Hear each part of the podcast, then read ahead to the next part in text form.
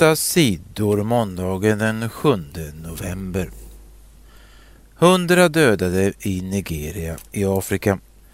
I helgen attackerades kyrkor och polisstationer i staden Damaturu i Nigeria. Minst hundra människor dödades och flera hundra skadades. Det var den islamistiska gruppen Boko Haram som anföll med bomber och skjutvapen. Vi kommer att fortsätta anfalla tills regeringens soldater slutar förfölja oss, säger Abul Kaka i Boko Haram.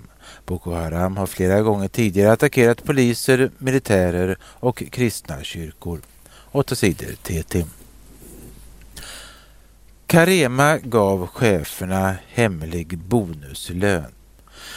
Det privata vårdföretaget Carema har fått hård kritik den senaste tiden. Det har kommit fram att de äldre på flera vårdhem i Stockholm fått dålig vård. Nu avslöjas det att Caremas chefer har fått hemliga extralöner och aktier. Chefer som sparat mycket för att öka vinsten har belönats med bonuspengar. De anställda på vårdhemmen säger att de har tvingats spara på det mesta. Vi fick bara handla för en viss summa i veckan, handskar, tvättlappar, blöjor och sånt. Vi fick spara på allt, säger en sköterska på ett av vårdhemmen till SVT. Fler än 500 har dött i vattnet i Thailand. Översvämningarna i norra och mellersta Thailand är de värsta på minst 50 år. Massor av människor har tvingats fly från sina hem och över 500 personer har dött. Vattnet hotar huvudstaden Bangkok, men hittills har skyddsvallarna hållit och i stadens centrum är det fortfarande torrt på gatorna. Det svenska utrikesdepartementet UD varnar svenska turister för att åka till Bangkok.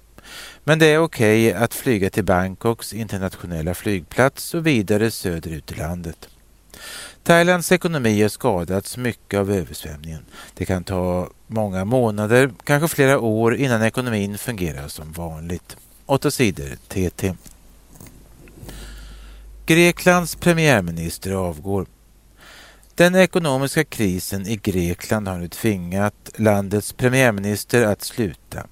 Georgos Papandreou sa på söndagskvällen att han ska avgå som ledare för den grekiska regeringen. Nu ska Grekland försöka bilda en ny regering. Där ska landets två stora partier, Ny Demokrati och Socialdemokraterna, vara med.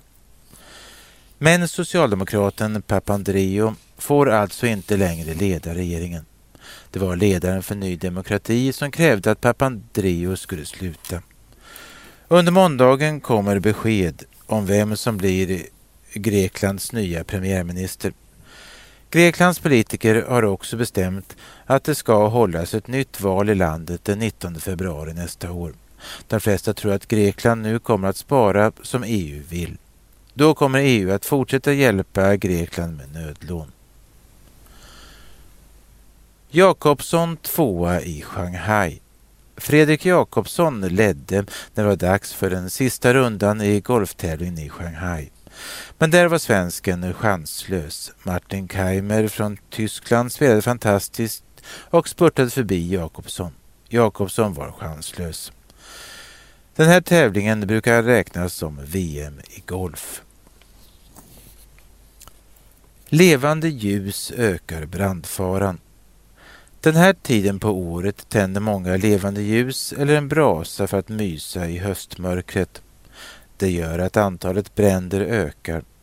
I november förra året dog 17 människor i bränder. Det var fler än dubbelt så många som månaden innan. Under hela 2010 dog 120 människor i bränder i Sverige. 8 sidor TT. Stjärnhästen dog på banan.